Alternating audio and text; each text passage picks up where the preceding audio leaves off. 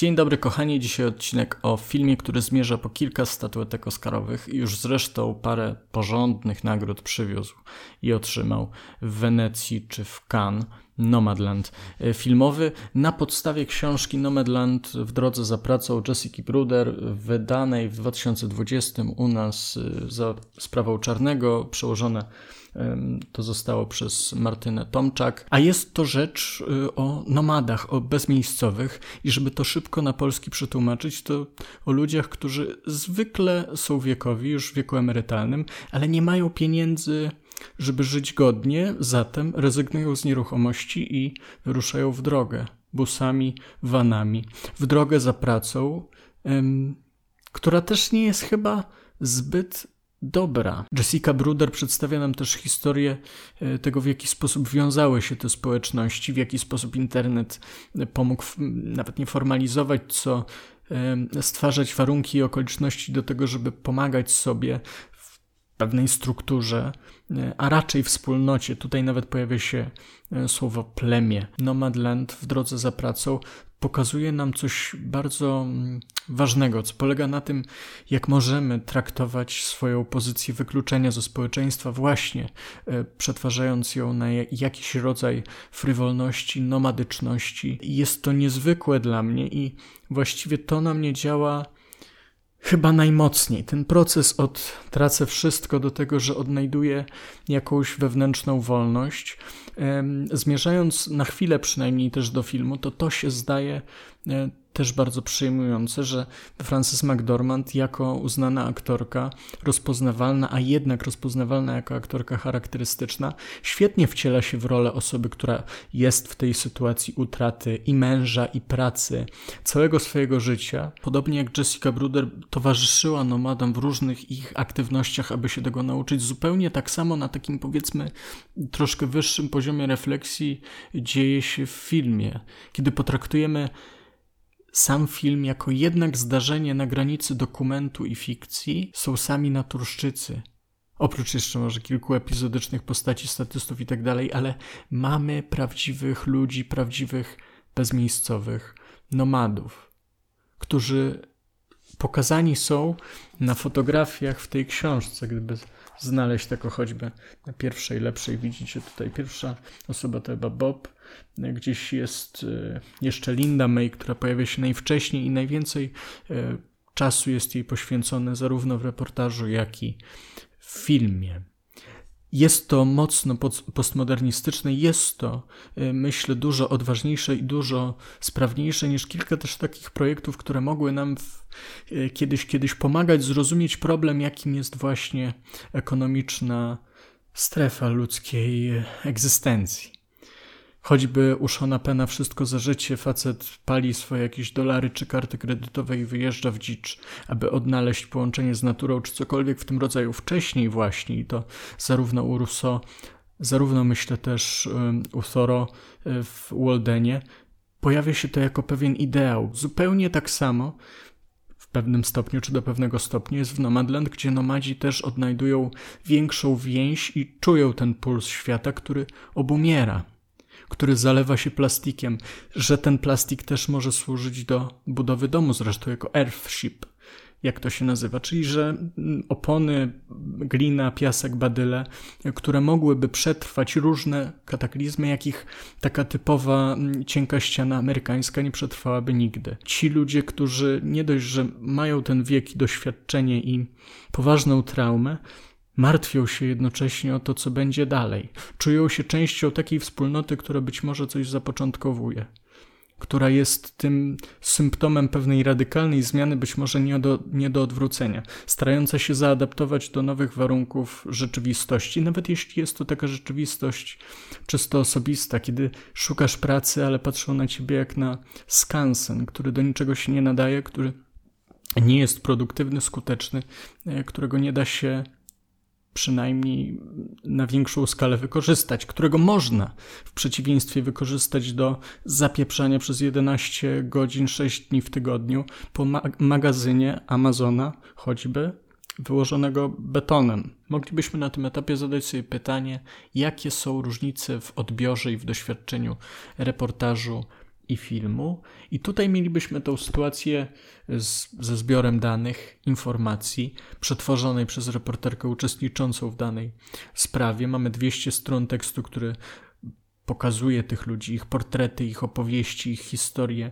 i przypadki, które przy okazji mogą nam wiele powiedzieć o dzisiejszym świecie, szczególnie może Ameryki i tych wielkich korporacji. I tutaj w reportażu zacytuję Wam, do, z czym mamy do czynienia czasem, z pewną bezpośredniością krytyki konkretnych instytucji, tutaj szczególnie Amazona, który stworzył taki program Camper Force, namawiający ludzi w tej sytuacji życiowej, aby pracowali dla Jeffa Bezosa wcześniej, który chyba zrezygnował ostatnio, ile pamiętam. W swoich ulotkach Amazon ostrzega, że każdy kandydat do Camper Force musi być gotowy na dźwiganie 20-kilogramowych paczek w temperaturze, która czasem przekracza 30 stopni. W biuletynach często powtarza się motywacyjne hasło firmy: pracuj ciężko, baw się, twórz historię. Ponadto podkreślone są niematerialne korzyści z udziału w programie. Będą cię otaczać współpracownicy, którzy zbierają się, by zawierać nowe przyjaźnie, wskrzeszać stare, cieszyć się dobrym jedzeniem, dobrymi historiami i miło spędzać czas przy ognisku lub wspólnym stole. Pod pewnymi względami to cenniejsze niż pieniądze. Jest jeszcze inny fragment, którego nie znajdziemy w filmie, na przykład taki. Część pracodawców płaci za godzinę, to już nie dotyczy Amazona. Pewna farma w Georgii szuka ludzi do codziennej tresury lam, oferując miejsce parkingowe z dostępem do mediów w zamian za 20-24 godziny darmowej pracy w tygodniu oraz 7,5 dolara za każdą godzinę dodatkową. Inni proponują jedynie nocleg i wyżywienie, czyli miejsce parkingowe, czasem na nieutwardzonej powierzchni, ale zwykle równe i płaskie. Z podłączeniem do wody, prądu i kanalizacji. W anonsie dotyczącym jednej z takich niepłatnych prac pytano: Umiesz prowadzić motorówkę? Lubisz to?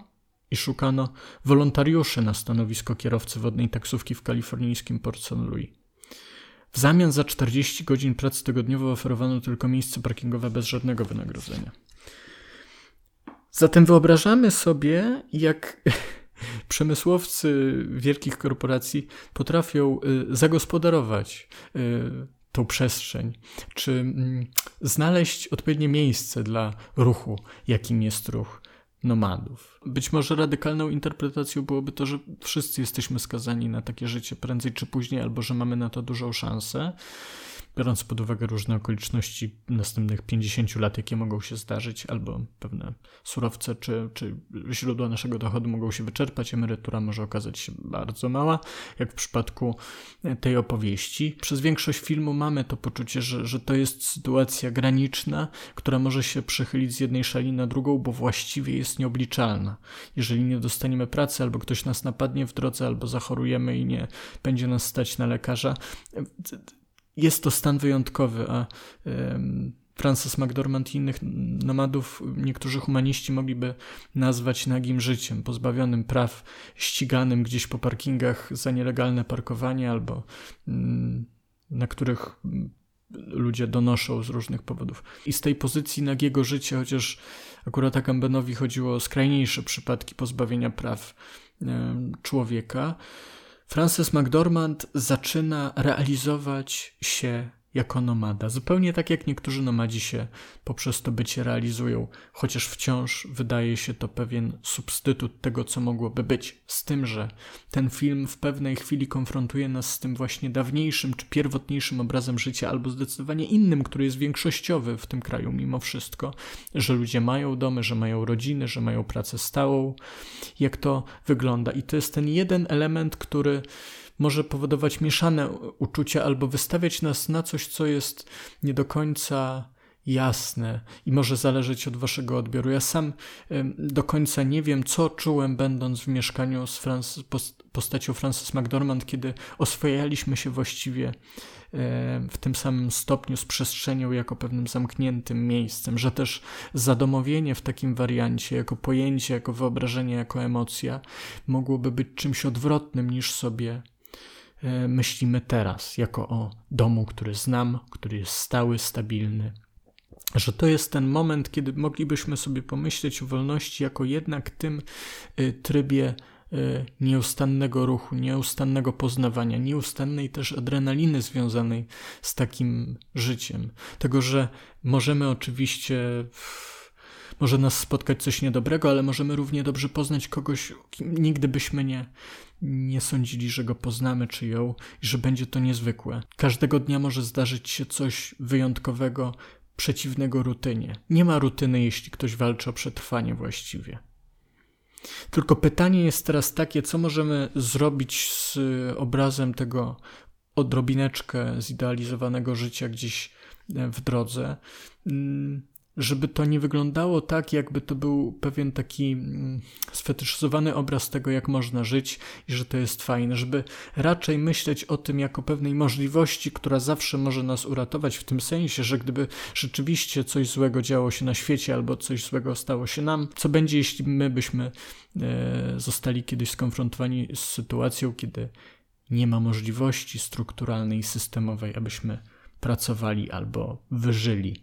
Co wtedy? Albo co wtedy, kiedy większość ludzi na świecie będzie w pozycji, kiedy braknie nam wody albo braknie nam jeszcze innych dóbr potrzebnych do przeżycia, dóbr naturalnych, surowców, e, wszystkiego w tym rodzaju. Że jesteśmy w stanie być nomadami, być tymi, którzy składają się w drodze z innymi. Na zasadzie doraźnej, chwilowej wspólnoty, która zapewnia nam życie, pozwala nam przetrwać. To jest wielka nadzieja y, tego filmu i myślę, że zupełnie tak jak te parę tekstów kultury, które wspomniałem, mógł, mógłby on stać się kultowy i powtarzany i ponownie przemyśliwany kiedy będzie jeszcze gorzej, to tym bardziej. A jest to wysoce prawdopodobne, że krach z 2008 będzie, no, to znaczy nie jest ostatnim tego rodzaju zdarzeniem. Nawet teraz y, właściwie film ten trafia w czas y, niezwykle, kiedy mamy pandemię i wielu przedsiębiorców, wielu pracowników straciło źródło utrzymania, zostało na przykład z kredytami albo całkiem bez pieniędzy. Życia się zrujnowały albo są w trakcie tego rujnowania się że to jest taki moment, kiedy możemy zacząć myśleć, jak to naprawić od tej nawet właśnie nie przypadkowej, że ktoś komuś coś załatwi, ktoś kogoś uratuje, tylko że możemy się organizować jako nomadzi, jako pionierzy. Na tym kończę ten prawdopodobnie melancholijny odcinek, bo wszyscy wiemy, co się dziś dzieje e, w związku z pandemią właśnie i do zobaczenia. Jestem na Instagramie, na Facebooku, na Patronajcie można wspierać. Razie.